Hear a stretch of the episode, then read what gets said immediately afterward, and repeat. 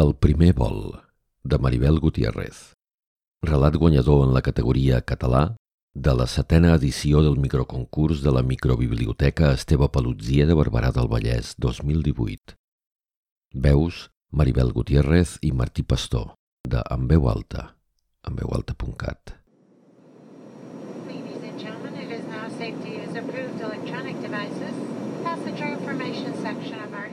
El van deixar seure al costat de la finestra. Estava exultant. Era la primera vegada que pujava un avió.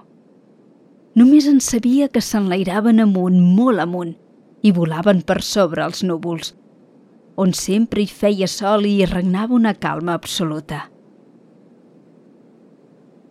Un cop l'aparell van calçar la pacífica mar de Cotofluix per acomodar-s'hi, la seva mirada inquisitiva es va desprendre d'aquell escenari per uns segons. Aleshores, es girà i va reclamar tot fent gala de la seva bona memòria. On són els avis, mare?